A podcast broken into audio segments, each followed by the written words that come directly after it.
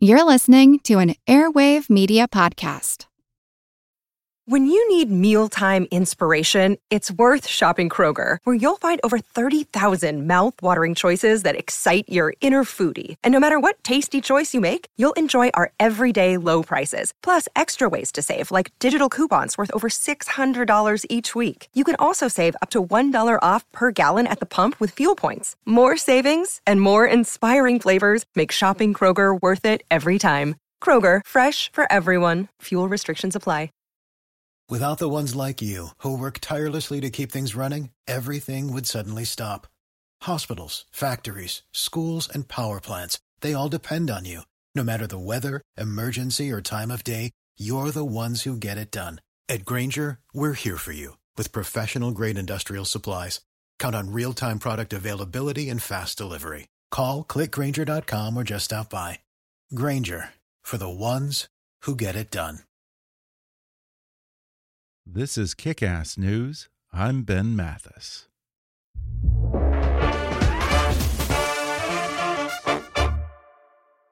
Academy Award nominations were just announced this week, and a record breaking number of women are up for Oscars this year, accounting for no less than a third of all nominees.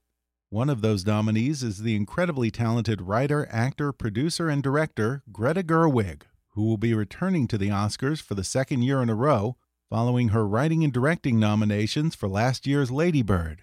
This time around, she's being hailed for her masterful reimagination of Louisa May Alcott's beloved novel Little Women, which has received six Oscar nominations, including for Best Picture and Best Adapted Screenplay for Greta Gerwig. And today, Greta joins me on the show to talk about the daunting task of adapting an American classic delving into Louisa May Alcott's diaries and letters to imbue her film with even more of the author's own personality, and why it was so important for her to acknowledge the original ending that Alcott wanted to give her book before her publisher talked her out of it. Then she talks about the status of female directors and writers in Hollywood, recalls a conversation she once had with a studio executive about how women talk that made its way into her latest film and how Meryl Streep inspired some of her most insightful dialogue about a woman's role in 19th century society. Greta also reveals that she was secretly pregnant while filming Little Women, and what it's like for her and her husband, Noah Baumbach, to both have competing movies vying for Best Picture this year. Plus, we talk about whether actresses in the 30s and 40s got better roles than actresses today, and our mutual love of the films of George Cukor, Greta Garbo, and the wicked wit of Dorothy Parker. Coming up with Greta Gerwig in just a moment.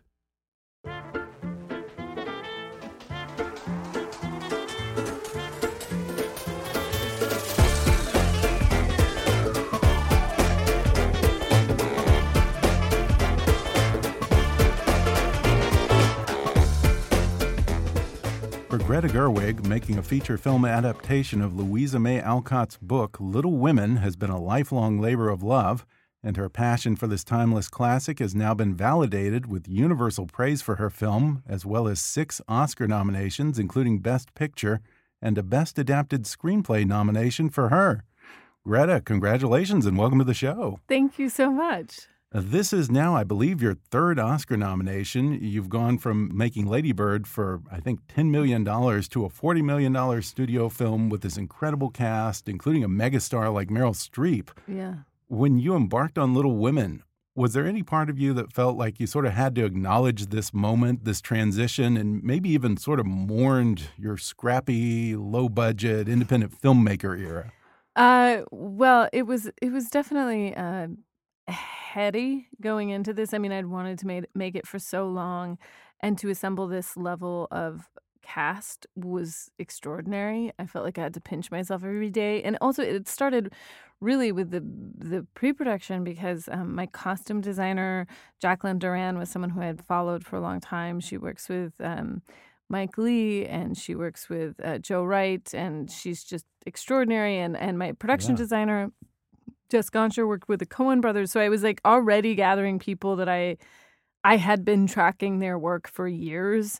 And then to get this cast, I mean, the whole thing was amazing. But I will say that even though it was a much bigger budget and a much bigger stick scale and this epic story, um, there is a level on which making movies you're always it's always scrappy. You're always fighting for Yeah. every dollar. You're always, you know, fi- fighting the clock. It's not. Um, I mean, maybe if maybe there is some version of a movie that doesn't feel this way, but actually, to make a movie for for very little money and to make a movie for a lot of money feels so far quite similar. Really? yes, I mean.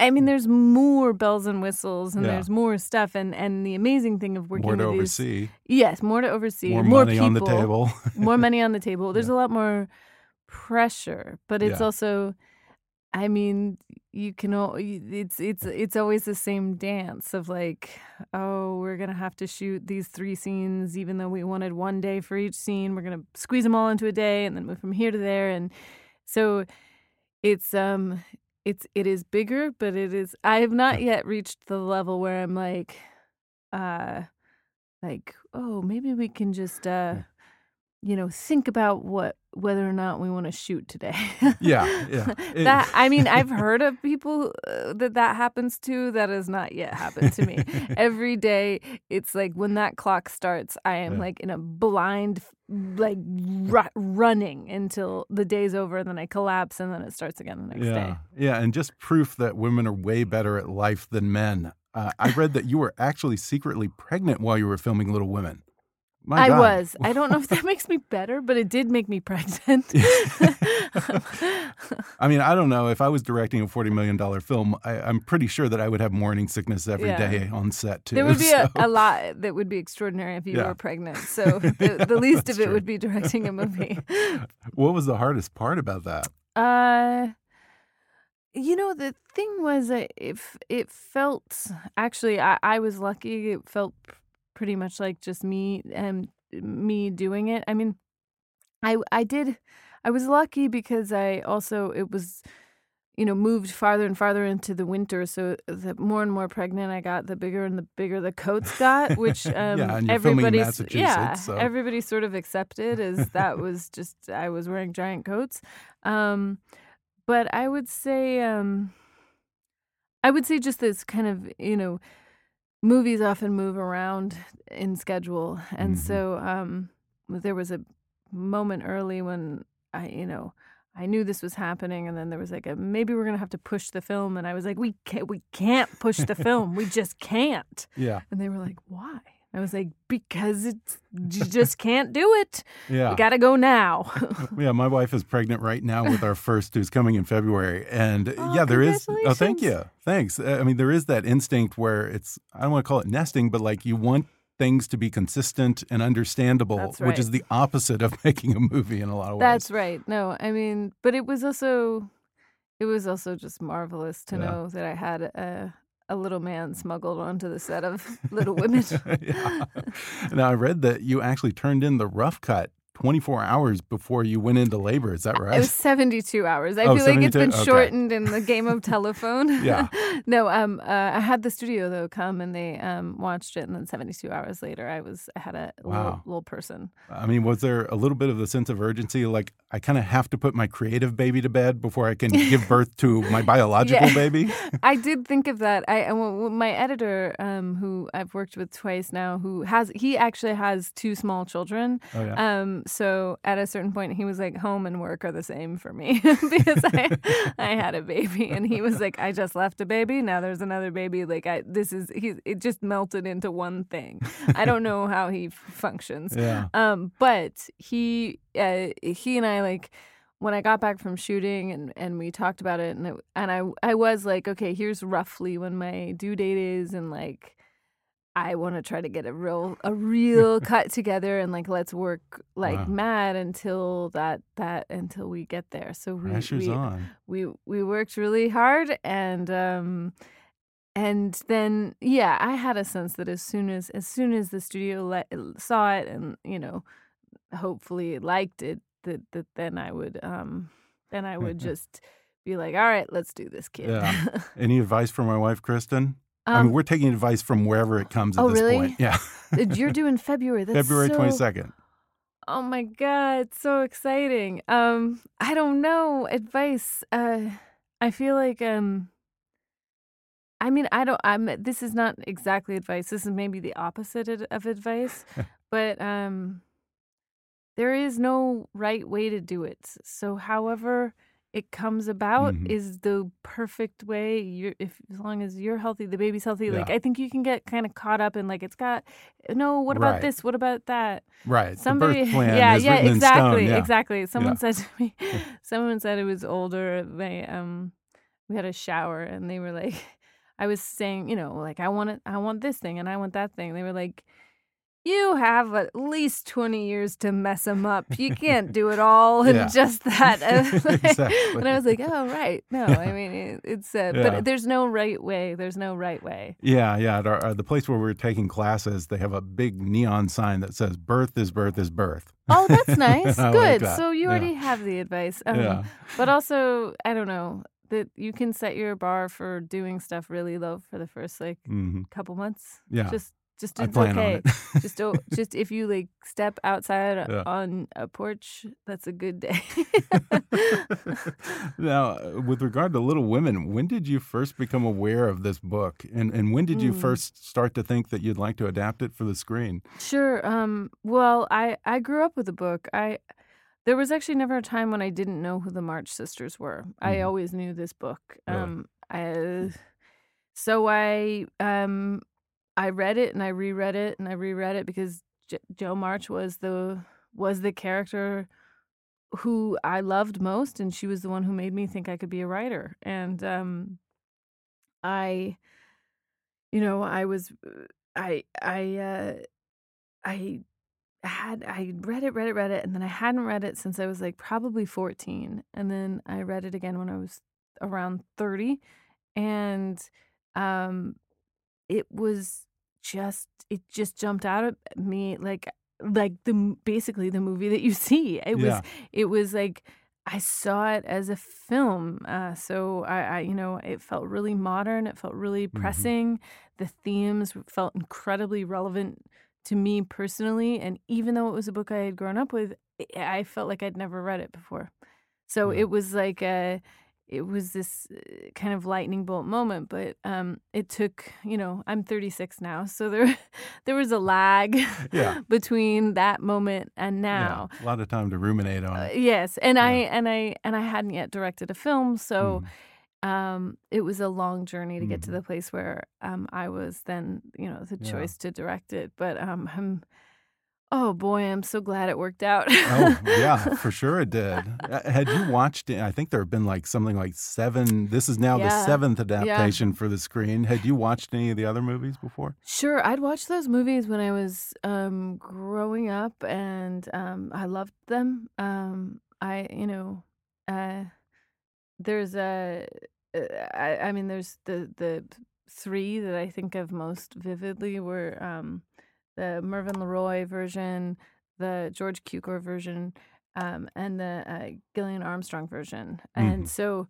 those three were very formative for me. But I actually didn't um, go when I was writing it. I actually didn't go back and watch them because I wanted them to live for me, like, um, like I think they live for most people, which is Mhm. almost like a collective memory of Yeah. these images of cozy family Yeah.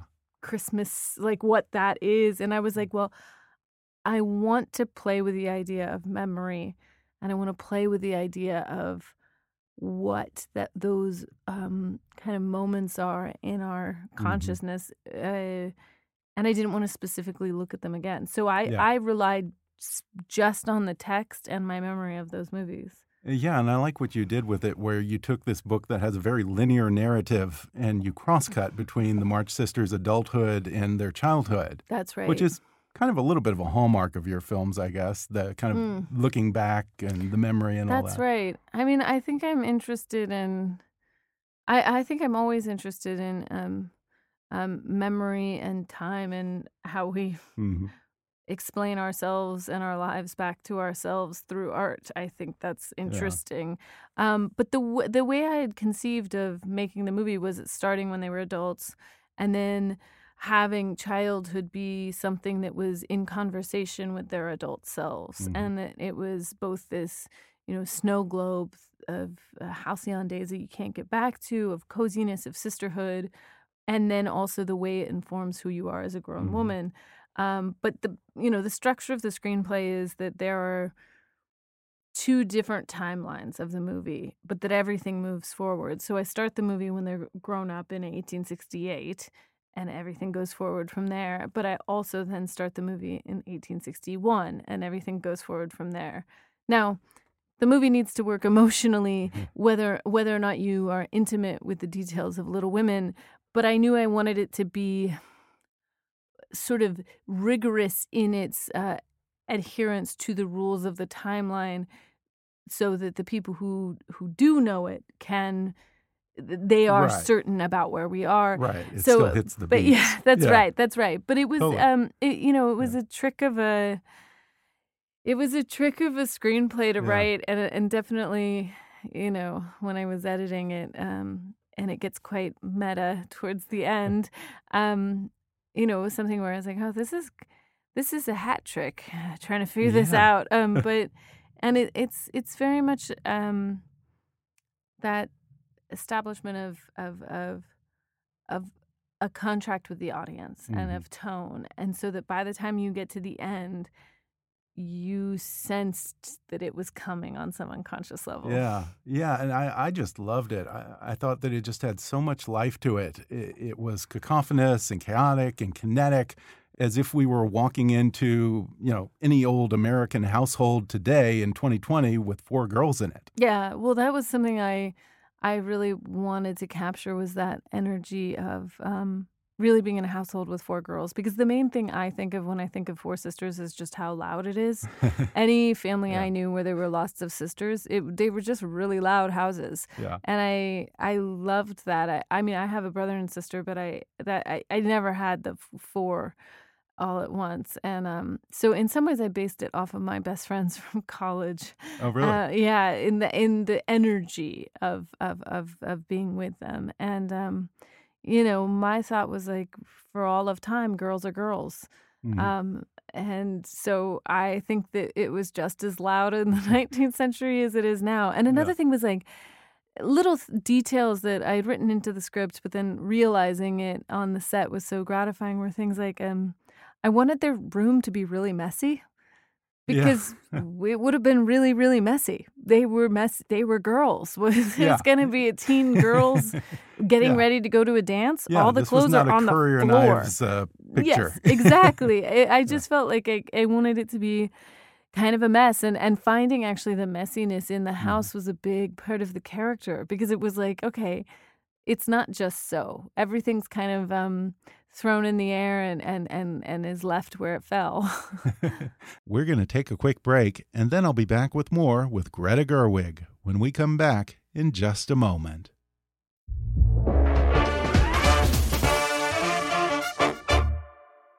Today's episode is brought to you by Kronos. Kronos knows that for many organizations, maintaining a modern workforce of hourly, full, or part time workers can be a challenge. This is especially true for human resources professionals working hard to attract and retain all the best talent. That's why Kronos puts HR, payroll, talent, and timekeeping on a single cloud based platform. It's one specially designed to give HR professionals supporting a blended workforce a whole new level of confidence.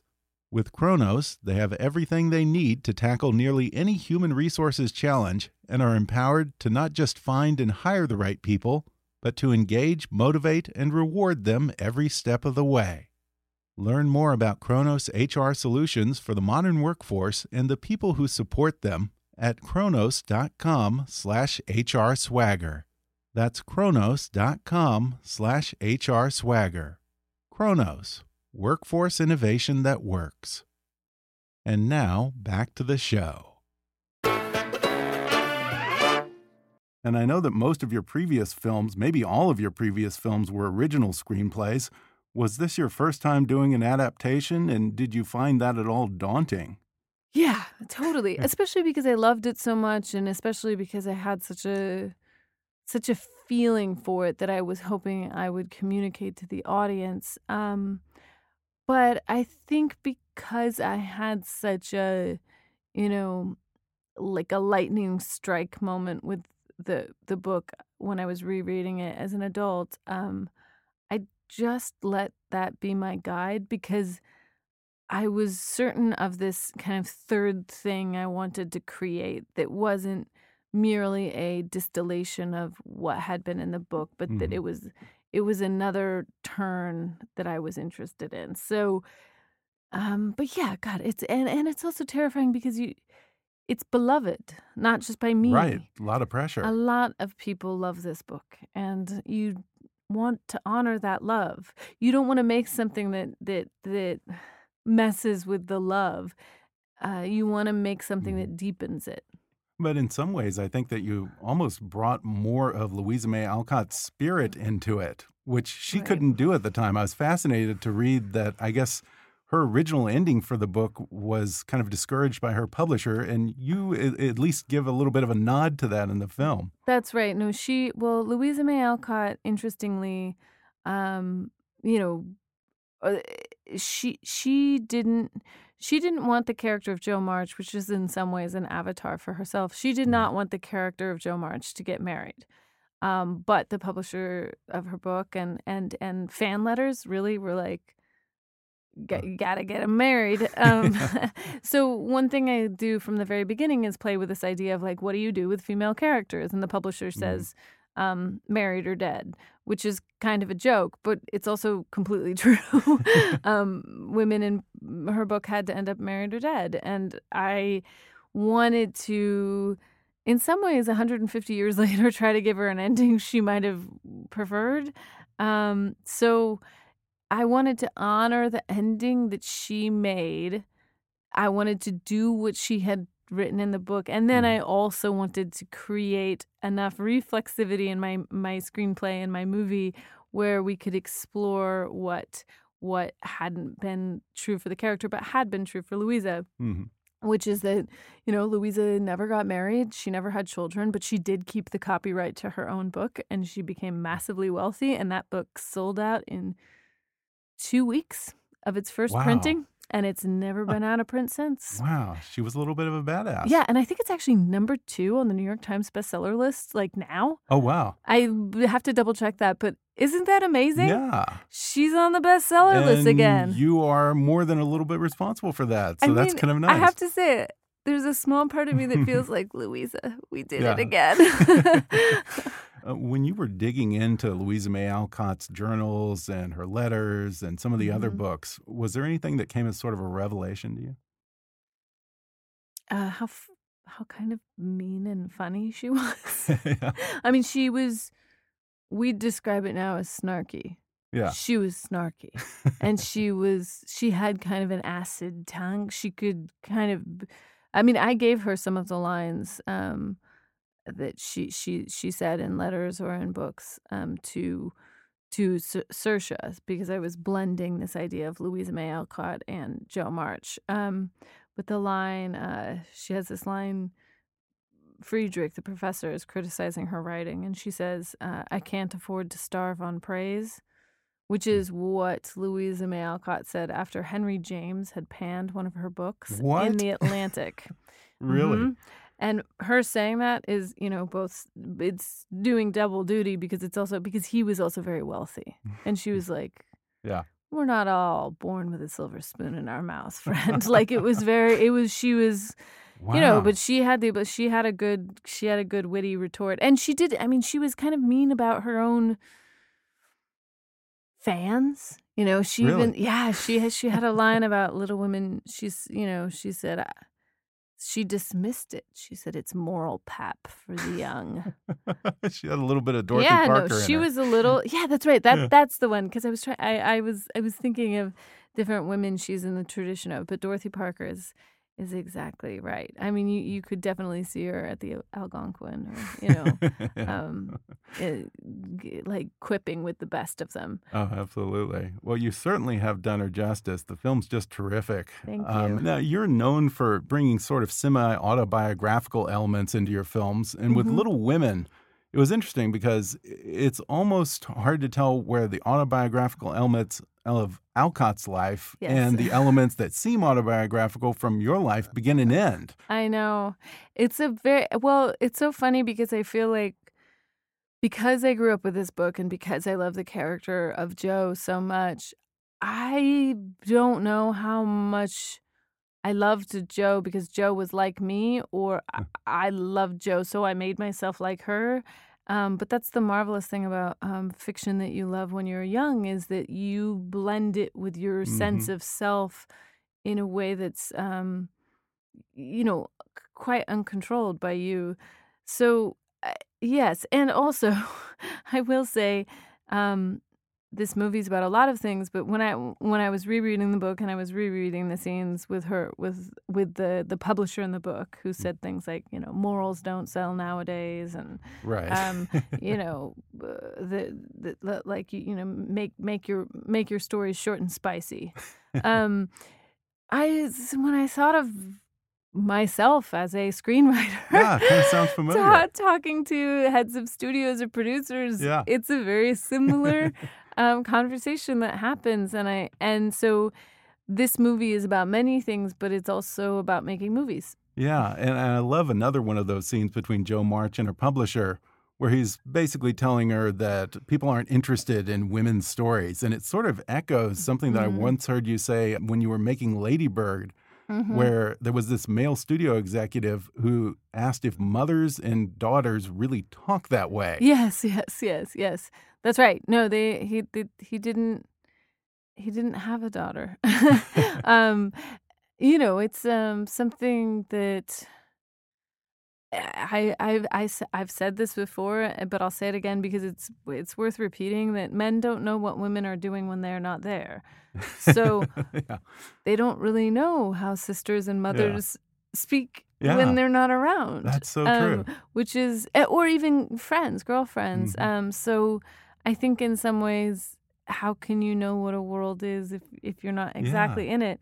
But um, but you know, but I I I will say, um, despite that, something that's you know been amazing is is the way. I mean, Amy Pascal is my producer, who's so wonderful, Yeah. and she fought for for everything in this movie, um, so hard. Um, but that you know, uh, Tom Rothman, who runs uh, Columbia Pictures at Sony, and he said, "I mean, you know what this is. You know what you're doing. Yeah. I'm gonna go ahead and get out of the way," which was amazing. And um, Louisa May Alcott's own publisher, uh, she didn't really know what she had, and and neither neither did he. And it, it was his nieces who read the manuscript and came to him and said, "What? Can I have more of this? Do you have any more of this? Where? What is this story?" And he, that was when he was like, "Even though I didn't know what this is, they do, Yeah. and so I trust them. hmm Trust your audience. Trust, trust, that, trust those girls. Yeah. Yeah. Thank and- God he had nieces, otherwise Yeah. we wouldn't be sitting here." I mean, are you amazed that here we are 150 years or more after Little Women, and in so many ways, female artists are still having to argue for the value of telling women's stories? Yeah. Well, I definitely think um one of the amazing things is how how much in in in not ju- not only my lifetime, but in the span of time that I have been working in the film industry, it's gotten better. Um and it's gotten better b- because of female storytellers, writers, producers, directors, and it's also gotten better because frankly the audience is there Mhm. and they're going to the movies. Yeah. And they want to see those movies and they want to see those stories. And that's the argument that is the final word in all of it is there's an audience. Yeah. And they're excited for these stories. And it's not just an audience of of of only women, it's an audience of women and men who are pumped to go to the movie theater Yeah. and see something that they haven't seen before. Yeah, and it's worth noting that I think a record breaking number of women are now nominated for Oscars this year, including yourself, which apparently accounts for one third of the nominees this year. Oh, well done. Yeah, Well, I mean that's a well nice. That's a good. That's and and also um with the the the Annenberg study that comes out every year. The um f- women represent. It's the largest n- number of films made Mhm. by women of of the year before and the year before that, and and um it looks to be just going up in the next few years, and I think it's a, it's a, I, I, I, I keep saying this, but it's not. It's totally the wrong metaphor. But I keep saying the glass is half full of women. But- I'd like to see that. I'd like to see a glass full of women.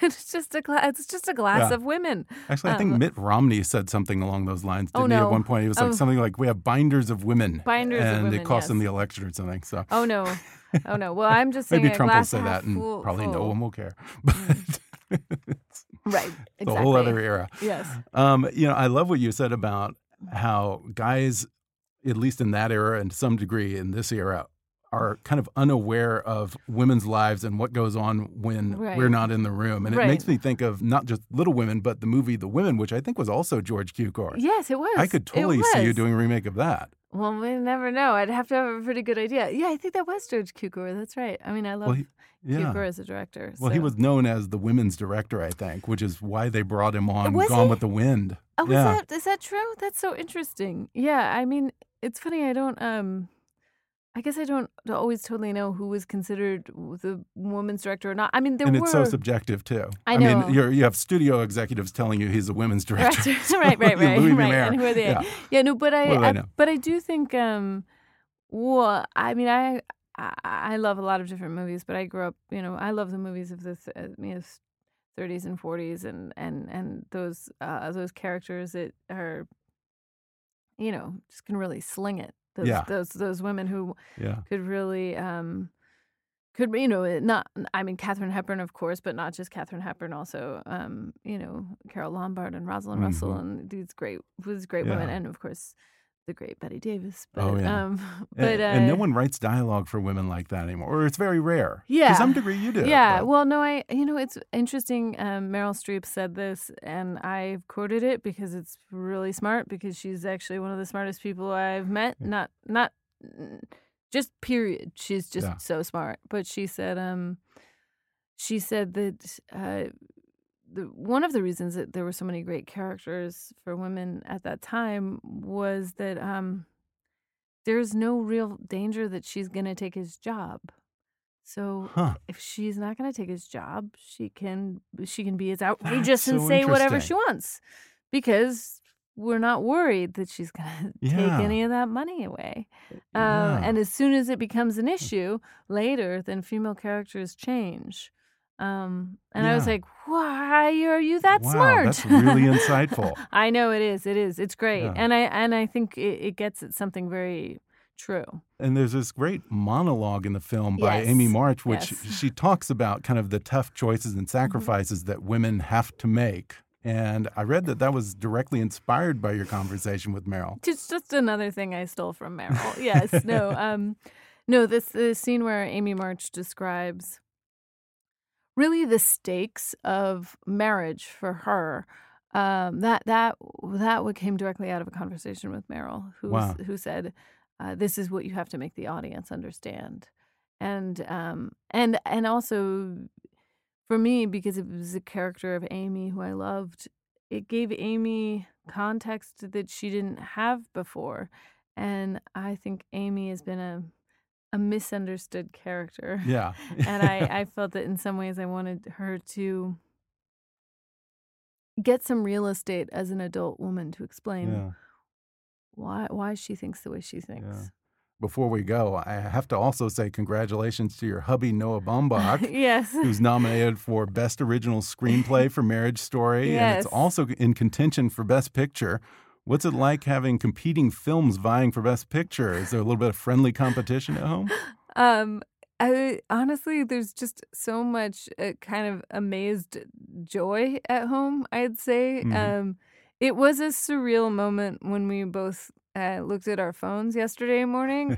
um we kind of mutually had a moment of like it's time to face the music Yeah. like let's face uh, but then Yeah. um but then it was just i mean it was extraordinary we were Yeah. just totally ecstatic and it, it- honestly it's it, it, what it, I, mm, I don't even know how to ex- express how amazing it is because it is you know i he made an amazing movie and um that that his movie and my movie are both being recognized by our our peers in this way is amazing. Yeah, yeah. It's- it's I, I, feel like all I say is, is just like adjectives, like Yeah. big good adjectives. It's it is it is a something. It is Yeah. something. Yeah, you two might be bringing two Oscars home this year. Oh my god, maybe just don't say that stuff. well, again, Greta Gar, Gre- Oh. um, Greta Garbo. oh my god, I know you almost said Greta Garbo. Greta Gar. You know, I did that because my wife said I thought she said Greta Garbo this Yeah. morning when I said I was interviewing Greta Gerwig, and then Oh. she says to me, "Who's Greta Garbo?" No, really.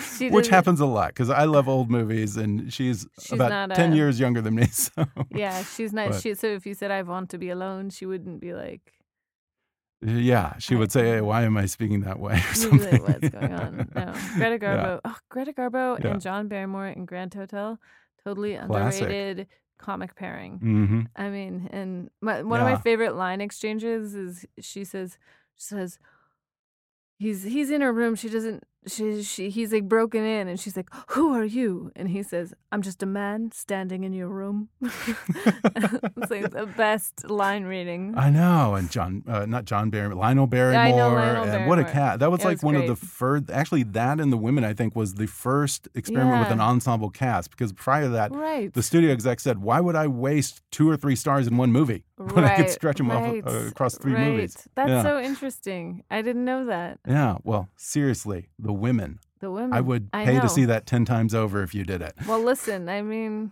I maybe it got my wheels turning. I gotta, I gotta figure. I gotta write the next one. All right. Well, once again, Greta Gerwig's wonderful film is Little Women and it's now out in theaters. Greta, congrats again and thanks for talking with me. oh, thank you so much. Hey, thanks again to the delightful Greta Gerwig for coming on the podcast. Don't miss her film Little Women, now out in theaters. Check your local listings for showtimes or visit littlewomen.movie. Today's episode is brought to you by Kronos.